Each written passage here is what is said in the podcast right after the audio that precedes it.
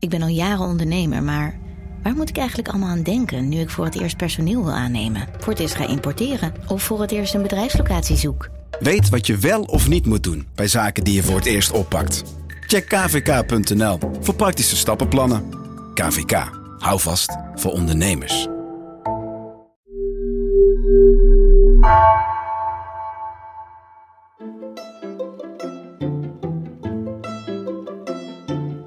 Welkom. Wij zijn Onbehaarde Apen. Dit is een podcast van NRC over wetenschap.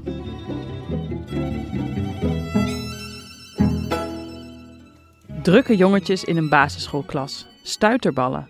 Dat is het beeld dat bij veel mensen opkomt als het over ADHD gaat. Maar niet alleen jongens hebben het. Het wordt ook steeds vaker bij meisjes en volwassenen geconstateerd. En nee, mensen met ADHD zijn niet lui of altijd hyperactief. Het klassieke beeld van ADHD is door recent onderzoek aan het verschuiven. Wat leren we over de stoornis en wat kun je doen om ermee om te gaan?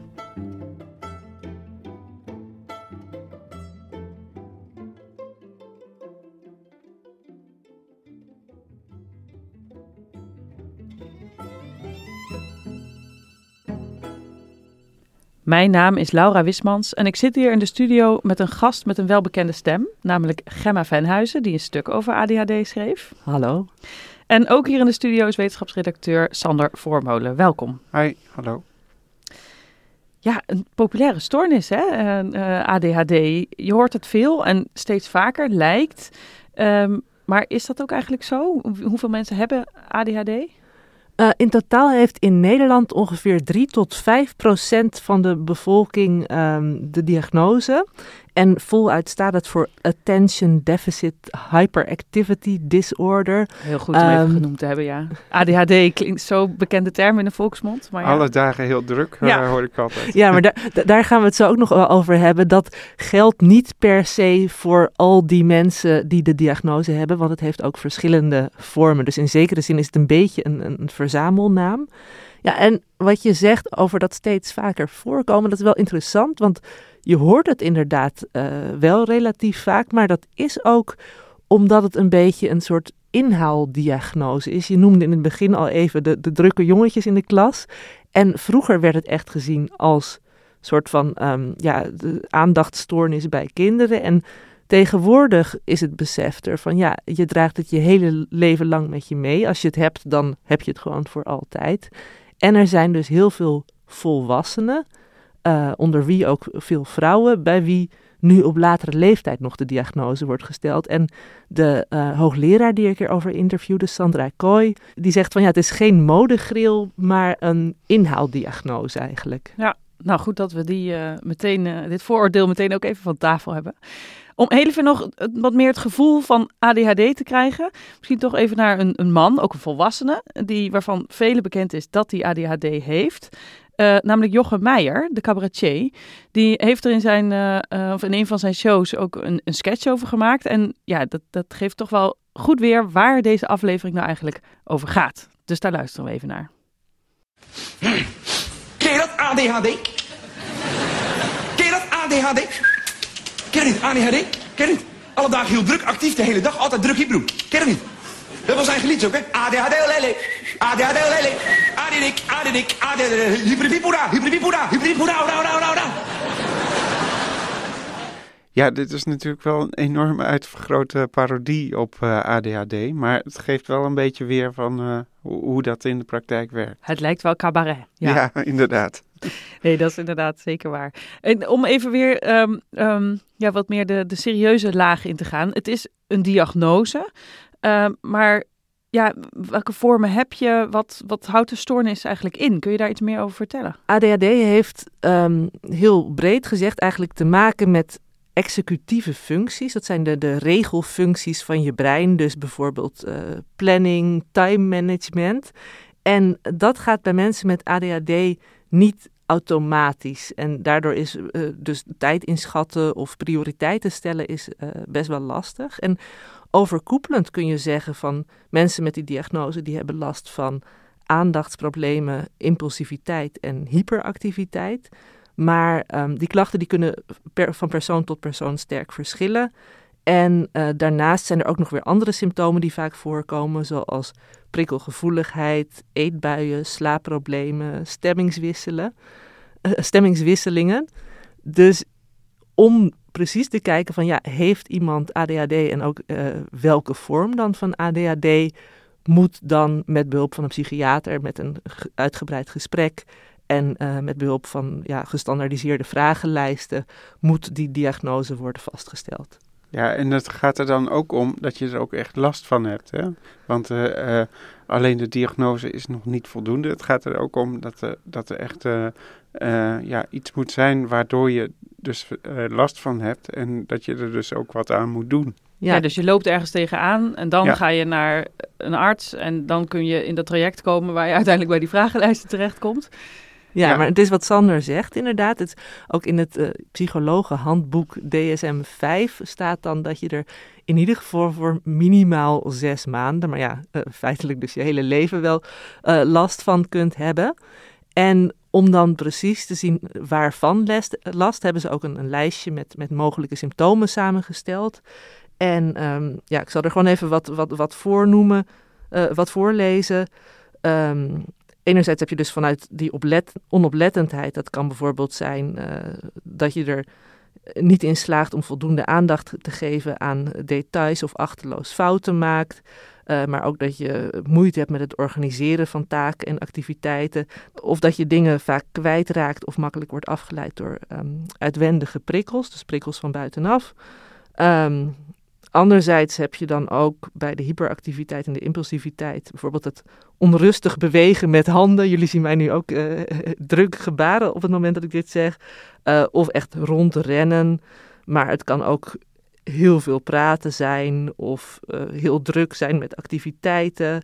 Of um, qua impulsiviteit dat je een beetje een flap uit bent met dingen. Maar je hoort hier al aan van ja, dat, dat zijn toch allemaal best wel uiteenlopende verschijnselen. Ja, maar je kunt je ook voorstellen dat het juist bij kinderen heel duidelijk wordt als zij dus in die structuur van een klas komen, waarin ze dus uh, geconcentreerd moeten leren en uh, moeten opletten. Ja, ineens moeten ze op die stoel blijven zitten ja, en dan valt extra op dat ze dat eigenlijk niet, uh, dat dat niet zo goed gaat. Ja. ja, en dat is wel interessant, want wat jullie nu inderdaad zeggen, dat is denk ik een van die drie vormen van ADHD, dat is dan de ADHDH, wordt die ook wel genoemd. Daar ligt ook echt de nadruk op die hyperactiviteit. Dus dat is juist in zo'n klassikaal verband heel makkelijk is te die, zeggen. die H, die, zeg maar, in ADHD zit die H van hyper al. En, die... en dan nog even nog de, de extra, extra H, ja. hyper. Ja, nee, okay. En dan heb je ook iets, dat wordt ADHDI genoemd, waarbij de I voor inattentie of onoplettendheid staat. Maar eigenlijk kennen we dat veel beter onder de naam ADD. Dus gewoon daarbij is de H van hyperactief juist wegbezuinigd. De dromers in de klas. Nou, precies. Ja. En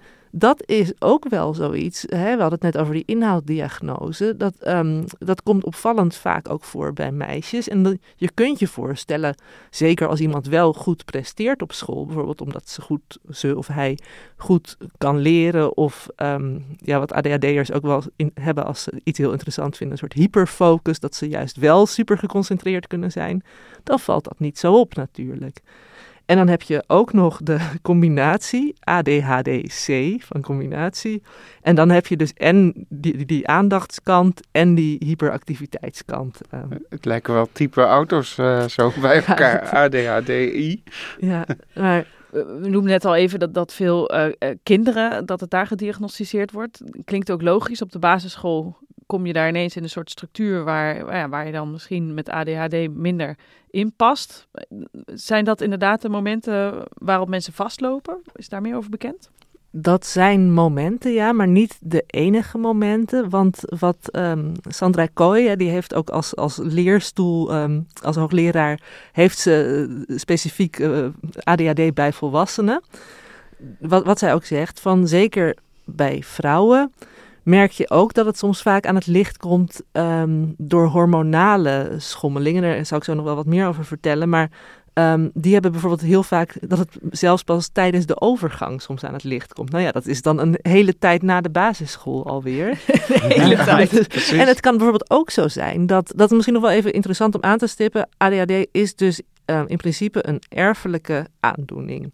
Maar hij kan wel door omgevingsfactoren, eh, kun je er meer of minder last van hebben. Dus hè, verschillende kinderen uit een gezin zouden uh, er op verschillende mate last van kunnen hebben. En dat omgevingsfactoren kunnen bijvoorbeeld al zelfs in de baarmoeder ontstaan als je moeder um, uh, alcohol, veel alcohol drinkt, maar ook door een infectie of zuurstofgebrek bij de geboorte.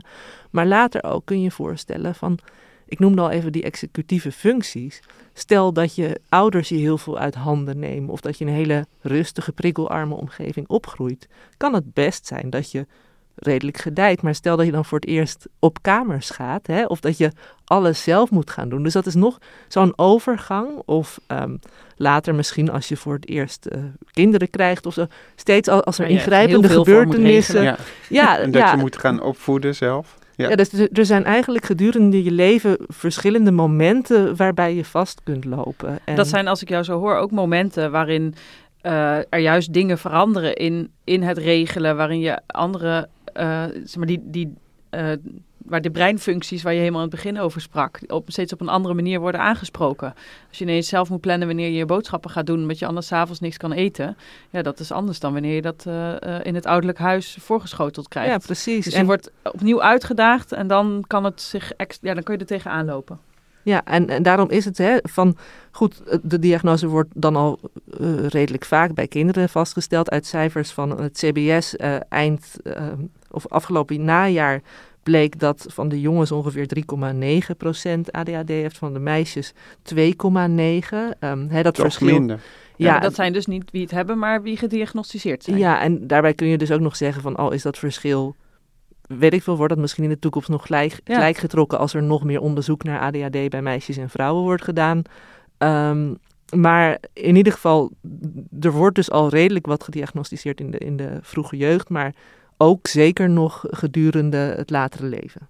Is het dan ook niet zo dat uh, de huidige maatschappij, waarin iedereen zijn, op zijn mobieltje zit, dat dat juist een hele slechte omgeving is voor mensen met ADHD? Ja, dat is. Dus je zou inderdaad kunnen zeggen van je hebt extra veel prikkels. Dus het is ja. als je AD, ADHD hebt, is het uitdagender. Het is tegelijkertijd niet zo dat daardoor opeens meer mensen ADHD hebben.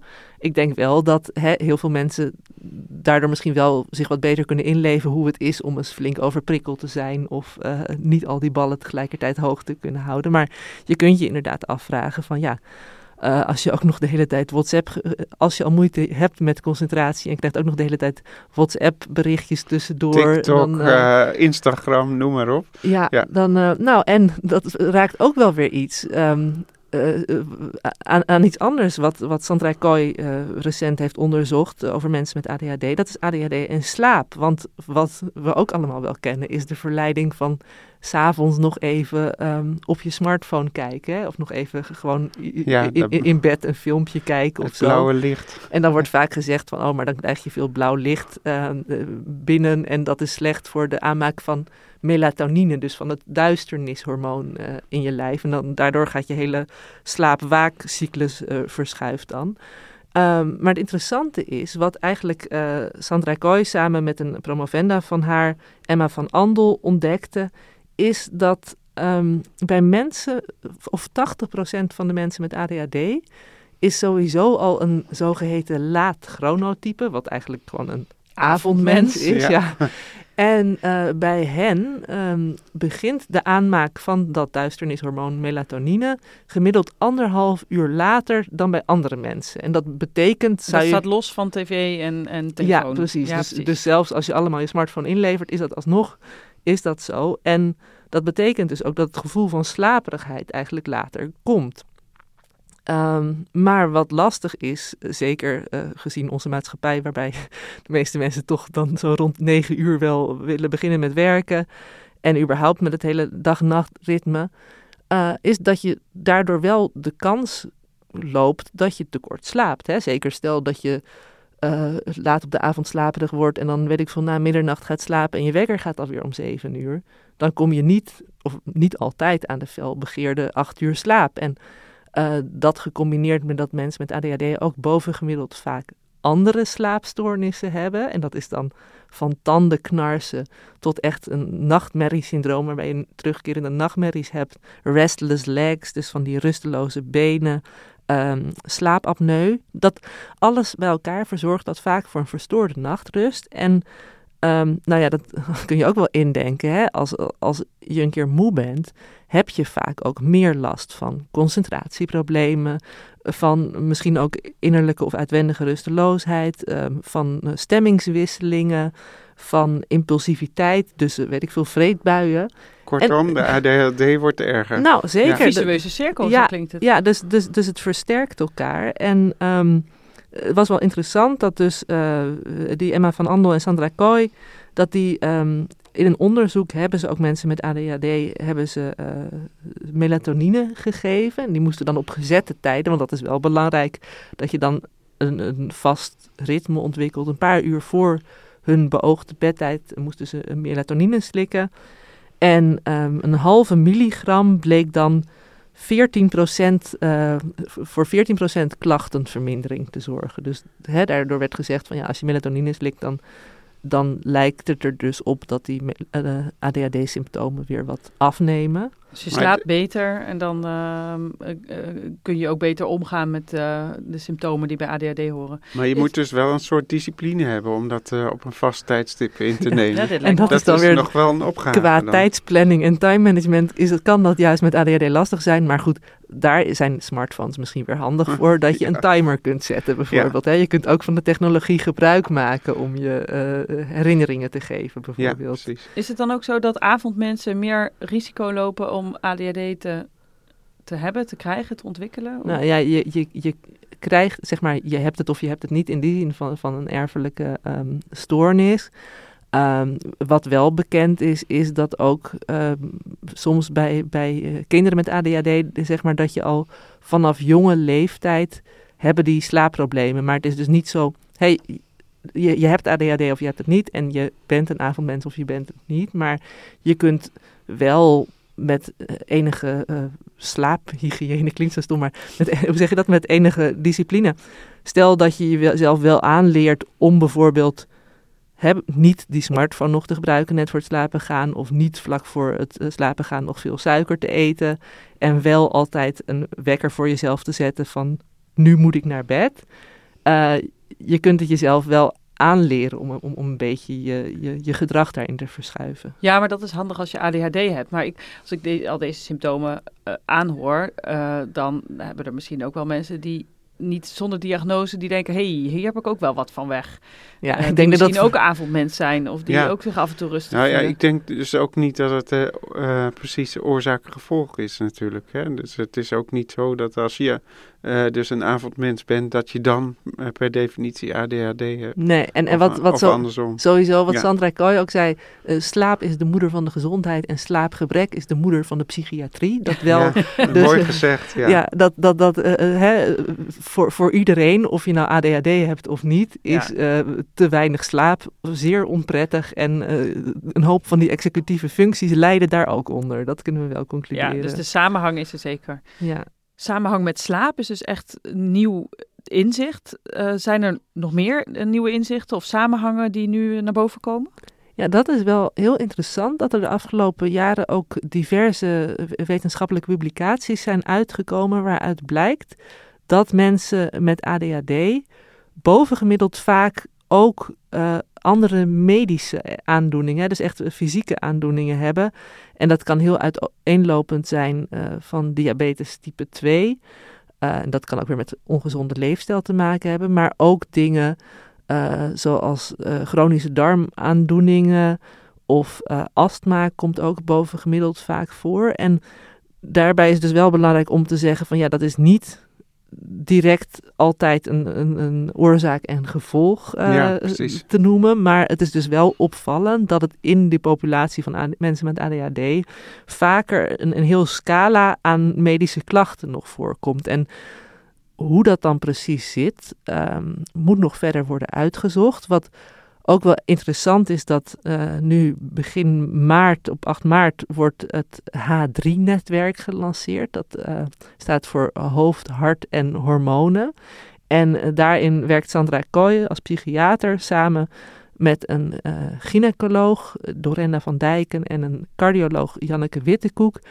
Omdat er dus ook, Wittekoek die had ontdekt dat er in haar, bij, bij haar hartspreek, bij haar cardiologie spreekuren heel vaak vrouwen waren die ook met ADHD-symptomen kampen. En tegelijkertijd, daar hadden we het eerder al even over, is er dus ook wel een samenhang tussen hormonen en ADHD. En die driehoek, dus uh, hè, van hoe, hoe werkt dat nou eventueel met elkaar samen, dat willen ze vanuit dat netwerk ook verder gaan onderzoeken. Dus dat is allemaal work in progress, kun je zeggen, uh, waar momenteel dan gaat, wordt ingedoken. Ja, hormonen vind ik wel een interessante in deze driehoek. Dit viel mij net ook al op. Toen dacht ik eraan toen jij het had over de, dat de overgang ook zo'n moment is waar dit naar voren komt. Dat lijkt me nou net een moment waar het allemaal wat rustiger wordt in het leven. Niet ineens school of ineens op jezelf wonen of ineens kinderen waar je van alles moet doen.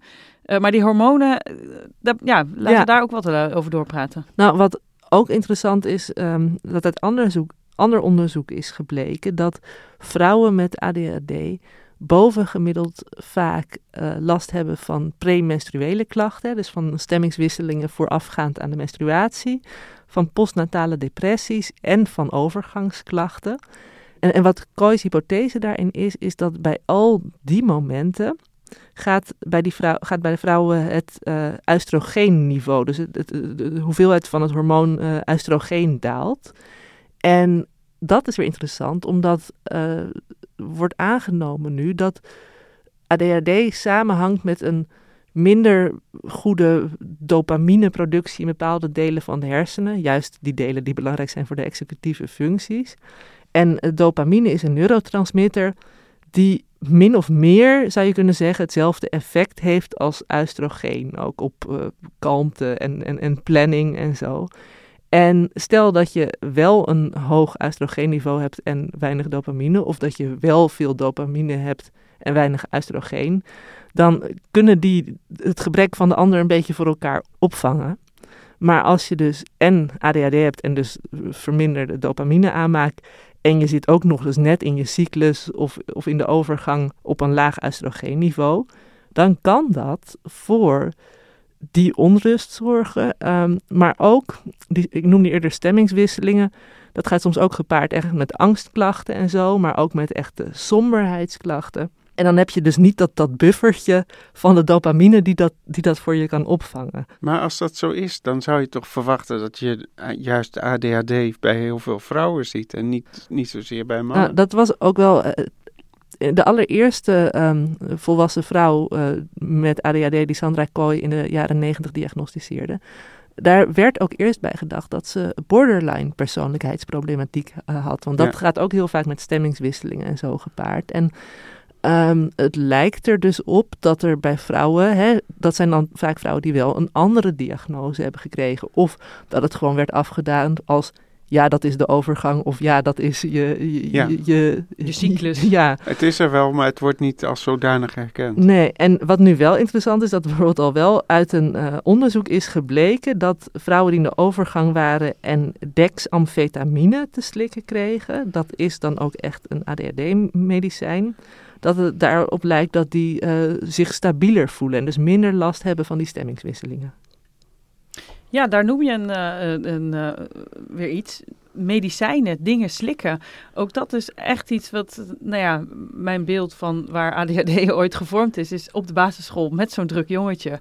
Ritalin. Die Ritalin kreeg. Ja. ja is dat ja. nog steeds de gangbare uh, behandeling? Ja, zeker. En dat is eigenlijk heel gek. Je geeft dus die kinderen en, en andere patiënten geef je een stimulans. Dus uh, dat is een, je zou zeggen van uh, als je al zo druk bent, dan zou je dat juist een beetje moeten afremmen. Maar deze stof, dus dat is dus methylfenidaat, dus de werkzame stof in het uh, middel, die, die zorgt ervoor dat de dopamineproductie gestimuleerd wordt. En dat geeft dus weer een verbetering van al die planningsfuncties in je hersenen. Ja, ja, die dopamine en dat uh, oestrogeen Je kan ook zeggen uh, dat ze aan de pil moeten. ja, precies. Ja, dat wordt inderdaad ook wel het, het, doorslikken van de pil. Want dan moet je dus wel hem door blijven slikken. Want anders heb je in die stopweek alsnog opeens een oestrogeendaling. Dat, dat uh, lijkt ook wel voor, voor stabilisering van de klachten te zorgen. Oh ja, maar om nou jongetjes op de basisschool aan de pil te doen. Dat, uh, ja, nee. Liever aan de speed, blijkbaar. Nee, en er wordt nu ook net zo begin maart op vrouw, Internationale Vrouwendag... wordt ook het hoofdhormonennetwerk opgericht. Dat is een soort netwerk uh, van, cardioloog, uh, van cardiologen, gynaecologen en psychiaters... die met elkaar informatie kunnen uitwisselen over de invloed en de samenhang tussen hormonen en ADHD en ook hartklachten, want die schijnen ook weer vaker voor te komen of, of, veel vrouwen met hartklachten schijnen ook weer ADHD te hebben. Maar om dat dan nog allemaal beter uit te zoeken. Want er is dus ook nog een hoop onduidelijk. En dat moet de komende jaren, denk ik, nog verder moet die samenhang wel worden uitgezocht. Ja. ja. en, en volwassenen, krijgen die ook uh, Ritalin voorgeschreven? Ja, zeker. Eh, maar je moet je ook uh, voorstellen dat zo'n zo'n uh, geneesmiddel heet het dan wel, maar het geneest natuurlijk niet. Nee, het, is symptoombestrijding. Het, het, je moet het dagelijks nemen. En uh, wat ook zo is, is uh, de, de gewone Ritalin wordt bijna niet meer gebruikt. Omdat je, uh, ja, dan heb je dus last van een, van een rebound noemen ze dat. Hm. Dus de, dat als je het neemt, dan werkt het. Maar op een gegeven moment dan is het uitgewerkt en dan stopt dus ook die productie van dopamine. Dus dan krijg je in één keer, krijg je alle oude symptomen krijg je weer terug. Dus daar, eh, vandaar dat ze ook uh, tegenwoordig allerlei langzaam werkende uh, formuleringen hebben gebruikt. En die heten anders, want Ritalin is de merknaam, toch? Of, ja, ja, ja, ja. je hebt ook, wel nog steeds dezelfde merknaam. Concerta. Concerta, ja. En dat, dat, dat geeft het wat langzamer af. En daardoor ja, ga je geleidelijker weer terug naar je basisniveau. Ja, dus dan zijn die schommelingen, net wat we net zeiden bij de pil en oestrogenen, heb je ook bij Ritalin, heb je dan niet... Uh, ja. ja. Maar hoe, hoe slik je dat doorgaans dan? Ik nam aan gewoon elke dag of misschien wel twee keer per dag. Ja. Uh, maar daar hoef je toch niet per se mee te stoppen? Hoe bedoel je mee te stoppen? Nou, ik bedoel, het neemt toch alleen maar af op het moment dat je... Uh, je hebt die, die dopamineproductie en die, die backlash ervan. Dat, dat gebeurt dan toch alleen maar als je ermee stopt. Ja, ja, ja. Nou, als je, levenslang aan Ritalin blijft, zeg je dan... Uh, ja. Nee, ik weet niet hoe dat normaal gaat. Hoe, het, uh, het is ondersteunend, hè? Want uh, je moet je voorstellen, je hebt dus echt problemen met, met je concentratie en met je gedrag te reguleren. En, en als je dus de, die medicatie slikt, dan, dan gaat dat wat makkelijker. Maar als je daar weer mee stopt, dan, dan kan het dus zo zijn dat je, dat je dat niet meer voor elkaar krijgt. Maar is het dan zo dat mensen of dat kinderen dat dan vaak uh, door de week wel slikken en dan in het weekend even niet? Ja, dat kan ook. Oh, precies. Ja. ja. Nee, dan, uh, en, ja. en bijvoorbeeld de proefwerkweek of zo. Ja. Ja, ja, nou ja, dat is dus eigenlijk het misbruik wat er ook vaak voorkomt. Hè? Dat uh, mensen die helemaal geen ADHD hebben, ook Ritalin gaan nemen voor een examen. Die willen ook wel even goed kunnen concentreren. Ja, maar de vraag is of dat bij hen zo goed werkt. Die worden er soms juist ook weer zo hyper van dat ze s'nachts dan niet meer kunnen slapen. En dan heb je weer het slaaptekort en daar weer de problemen van. Precies. Ja, ja dus de, die medicijnen, dat is niet uh, de oplossing alleen. Dus je moet ook nog daarnaast uh, heel goed leren bijvoorbeeld te gaan plannen. En als je die, die vaardigheden inmiddels hebt geleerd, dan, dan kun je dus ook weer proberen om zonder medicatie verder te gaan. Maar dat klinkt lastig. Het klinkt mij tegenstrijdig in de oren. Je hebt een stoornis waardoor je echt niet kan plannen, maar je kan wel leren plannen. Ja, hoe dan? Nou, ik, ik, ik denk dat het verschil erin ligt. Het zal bij mensen met ADHD nooit vanzelf gaan. Dus hè, uh, ze zijn ook zeker niet, niet lui, wat wel eens het vooroordeel is. Het is juist dat ze gewoon altijd moeite moeten doen om, om te functioneren in die zin. Maar je kunt natuurlijk wel met bepaalde handigheden of veranderingen in leefstijl kun je aanpassen. Wat we net al zeiden, van ja, in je jeugd zijn het misschien toch, toch ouders die nog een en ander opvangen. Maar later kun je ook, uh, stel dat je uh, heel slecht bent in boekhouding, bijvoorbeeld zo'n beruchte saaie taak, kun je ook natuurlijk een accountant in de arm nemen. Of Hè, een, een ander hacks voor ADHD. Ja, nou, ja. ander notoir uh, struikelblok is het huishouden. Gewoon schoonmaken, opruimen. Dat is dan ook nog een taak ja, die niet dan echt als inspirerend wordt gezien. En waar zeker iemand met ADHD dan, dan zich niet toe kan zetten. Um, ja, dan, Ja. of je kunt ervoor kiezen om dan in een rommelig huis te leven, maar je kunt ook eh, eh, een schoonmaker in de hand nemen. Of eh, hè, wat er ook wel eens wordt gezegd, kleine klusjes van oké, ik begin even met eh, de afwas en Ja, of ik zet Ja. nu een kookwekker op een kwartier en dan ga ik opruimen en als het belletje Ja. gaat weer klaar. Ja, dus- of, of een kwartier eerder eh, naar je afspraken komen, zodat je nooit meer te laat komt. ja, dat heeft. Maar dat is toch, een- dat weet je op een gegeven moment toch ook en dan werkt het niet meer. Er heeft ooit een vriendje bij mij, omdat ik ook altijd de, de, de trein miste, zei hij op een gegeven moment gewoon dat de trein een kwartier eerder ging dan, eh, dan ik dacht. Maar ja, uiteindelijk als je dat eenmaal door hebt, dan ga je daar natuurlijk weer Vond je dat leuk? Nee, ik vond het helemaal. Nee, dat, dat is ook betut. Want dat is natuurlijk ook wel weer zoiets van hè, hoe. Het is fijn, denk ik, als je ADHD hebt, dat je omgeving er ook vanaf weet van eh, hoe, hoe mensen Ja. mee kunnen doen. Maar het moet natuurlijk ook niet betuttelend worden. En ook voor de omgeving. Eh, ADHD is dan wel een verklaring, maar niet een excuus. Dus je kunt niet zeggen van nou, ik hoef, ik hoef niet mee te draaien in het huishouden, want ik heb ADHD. ja, ik hoef nooit meer op te ruimen. Ja. Nee, maar, maar, maar andersom is denk ik wel een soort begrip van... oké, weet je, als iemand voor de zoveelste keer te laat komt... het is geen onwil, maar eerder echt een soort onmacht. Dat helpt van beide kanten ook wel weer frustratie voorkomen. Ja, en, en, en ehm, ik hoor je zo, we hebben het net over lifehacks, maar je- eigenlijk is dus, als je niet aan de medicatie wil, moet je als iemand met ADHD goed kijken naar, kan ik mijn omgeving, mijn leven zo inrichten dat het, dat het beter past bij hoe ik functioneer? Ja, een Kan- ander probleem is verslavingsgevoeligheid. Hè. Je noemde net al die e- eetbuien. Eh, maar, maar je kunt ook makkelijker eh, verslaafd raken aan allerlei middelen. Maar dat kun je ook ombuigen natuurlijk door gewoon eh, een gezonde verslaving eh, te- Ja, in te zetten. vanwege- Eh, bijvoorbeeld sport. Verslaafd aan wortels. Vanwege, Ja. Nee, maar vanwege die bewegelijkheid wordt ook vaak wel gezien... dat mensen met ADHD veel sporten of zelfs een sportverslaving ontwikkelen.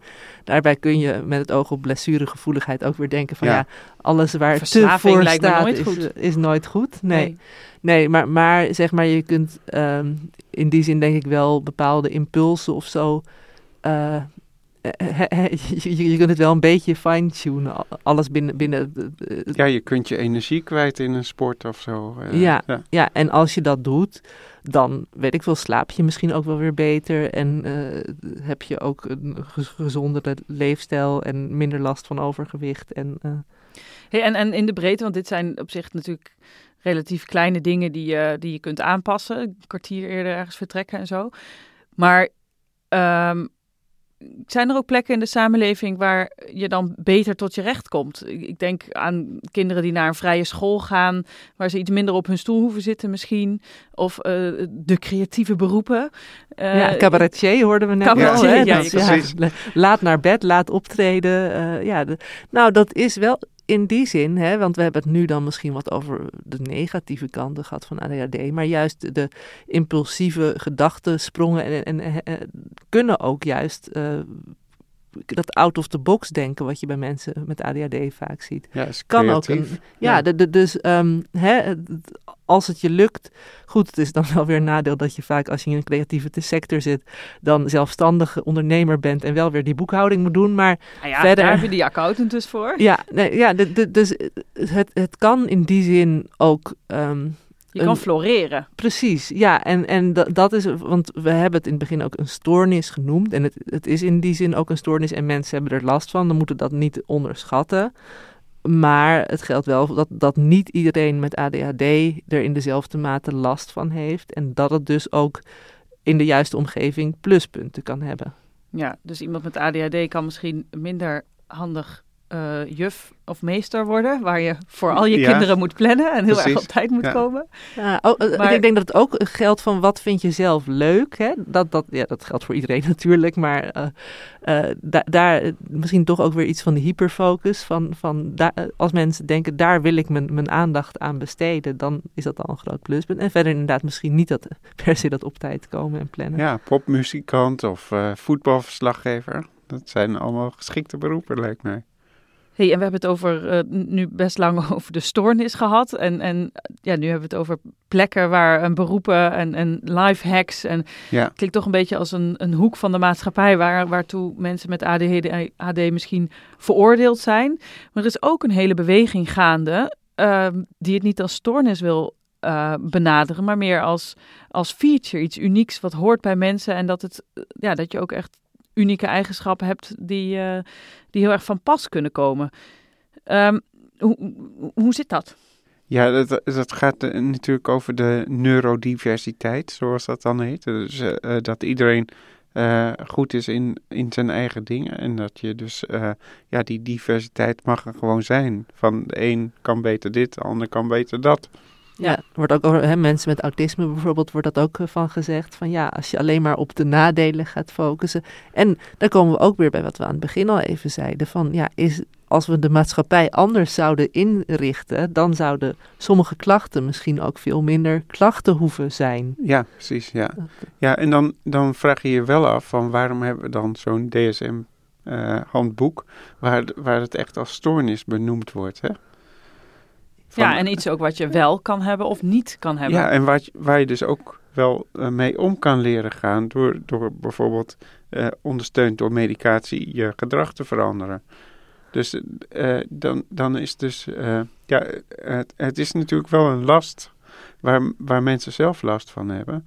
Maar eh, als, als je dus eh, je leven zo weet in te richten dat je ermee om kan gaan, Ja, dat je last is het eigenlijk wordt. geen stoornis meer. Nee, maar dan denk ik dus wel dat het daarbij ook helpt ehm, als je ADHD hebt om wel die erkenning misschien ook te hebben en het begrip. Want stel Ja. dat je geen diagnose hebt, eh, maar wel merkt dat je je hele leven er te- tegen dingen aanloopt en je hoort alleen maar van je omgeving van nou je bent een sloddervos, je bent lui en vergetenachtig, kan dat ook weer heel negatief uitpakken voor je zelfbeeld. En als Depressie eh, staat ook in de DSM-5. nou ja, ik, Ja. Ik, ik, ik denk wel dat het in die zin toch belangrijk is om het hè, wel echt serieus te nemen en ook eh, te onderkennen van ja, weet je, voor mensen met ADHD gaan een hoop dingen niet vanzelf. En tegelijkertijd ook een soort van de last van oké, zij moeten zich maar aanpassen aan de rest. Om dat misschien een beetje te heroverwegen van Ja. zijn er andere manieren waarop je de samenleving kunt inrichten, waardoor inderdaad mensen met uiteenlopende psychische eh, achtergronden s- goed eh, van, van elkaars eh, positieve punten kunnen ja, profiteren. vanzelfsprekend elkaar een kunnen. plek hebben misschien. Ja. Eh, ja. En, en eh, dus misschien vraag ik me dan als eh, iemand zonder ADHD wel af. Kun je als omgeving hier eh, wat aan doen? Jij noemde net een mooi voorbeeld over de trein. Ik denk dat die toenmalige vriend had echt wel probeerde je, je te helpen. En dat voelde als betutteling. Ehm, ja, zijn er dingen bekend waar een omgeving juist wel of niet iets, eh, iets aan kan bijdragen? Ja, dus ik denk eh, allereerst niet alles uit handen nemen, want ja, dan, dan, dan leer je met, met ADHD ook, ook zelf niet omgaan. Maar waar, waar mogelijk wel wat geduld betrachten. En ehm, ja, dat, dat, dat, heet tegenwoordig eh, psycho-educatie, wat eh, gewoon je voorlichten en, en, en beter begrijpen wat het precies is. En ik denk van beide kanten af zeggen, me- mensen zonder en met ADHD, om ook gewoon erover te praten en eh, elka- elkaar wat beter... bespreekbaar te maken. Ja. Ja, Ja, of misschien nog een keer naar de show van Jochem Meijer te gaan. ja. Ja, ook dat is... Nou, Jochem Meijer is natuurlijk wel een, een heel goed voorbeeld van iemand die het heel duidelijk bespreekbaar maakt. Ja, Ja. en ook zijn eigen leven blijkbaar heeft, of nou, ik ken hem niet persoonlijk moet ik zeggen, maar eh, vanaf een afstandje een beroep heeft gekozen Ja. waar dit ehm, een, ja, een goede plek kan krijgen. En gelukkig maar in die zin dat er ADHD'ers zijn, dat er ook wat leuke cabaretiers en zo in de wereld zijn, toch? Ja, dat... eh, Gemma, dank. Je hebt me veel geleerd. Eh, geen modegil, maar juist een, een inhaalslag. En, en dat er veel meer bekend aan het worden is over samenhang met eh, allerlei andere dingen in het, eh, in het leven. En nog heel veel onderzocht moet worden, dus eigenlijk. Ja, inderdaad. Dankjewel Gemma Venhuis dat je hier kwam vertellen. En dankjewel voor je aanwezigheid ook Sander Voormolen. En bedankt ook aan audioredacteur Elze van Driel voor het maken van deze podcast. En we luisteren nu weer naar ons Dudok kwartet. Wij zijn er volgende week weer. Tot dan.